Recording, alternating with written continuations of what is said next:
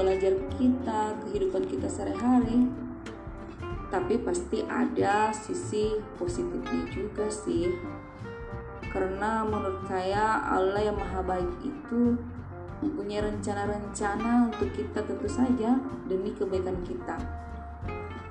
Bayangkan saja yang kehidupan kita kemarin itu uh, ke, tidak teratur gitu sembarangan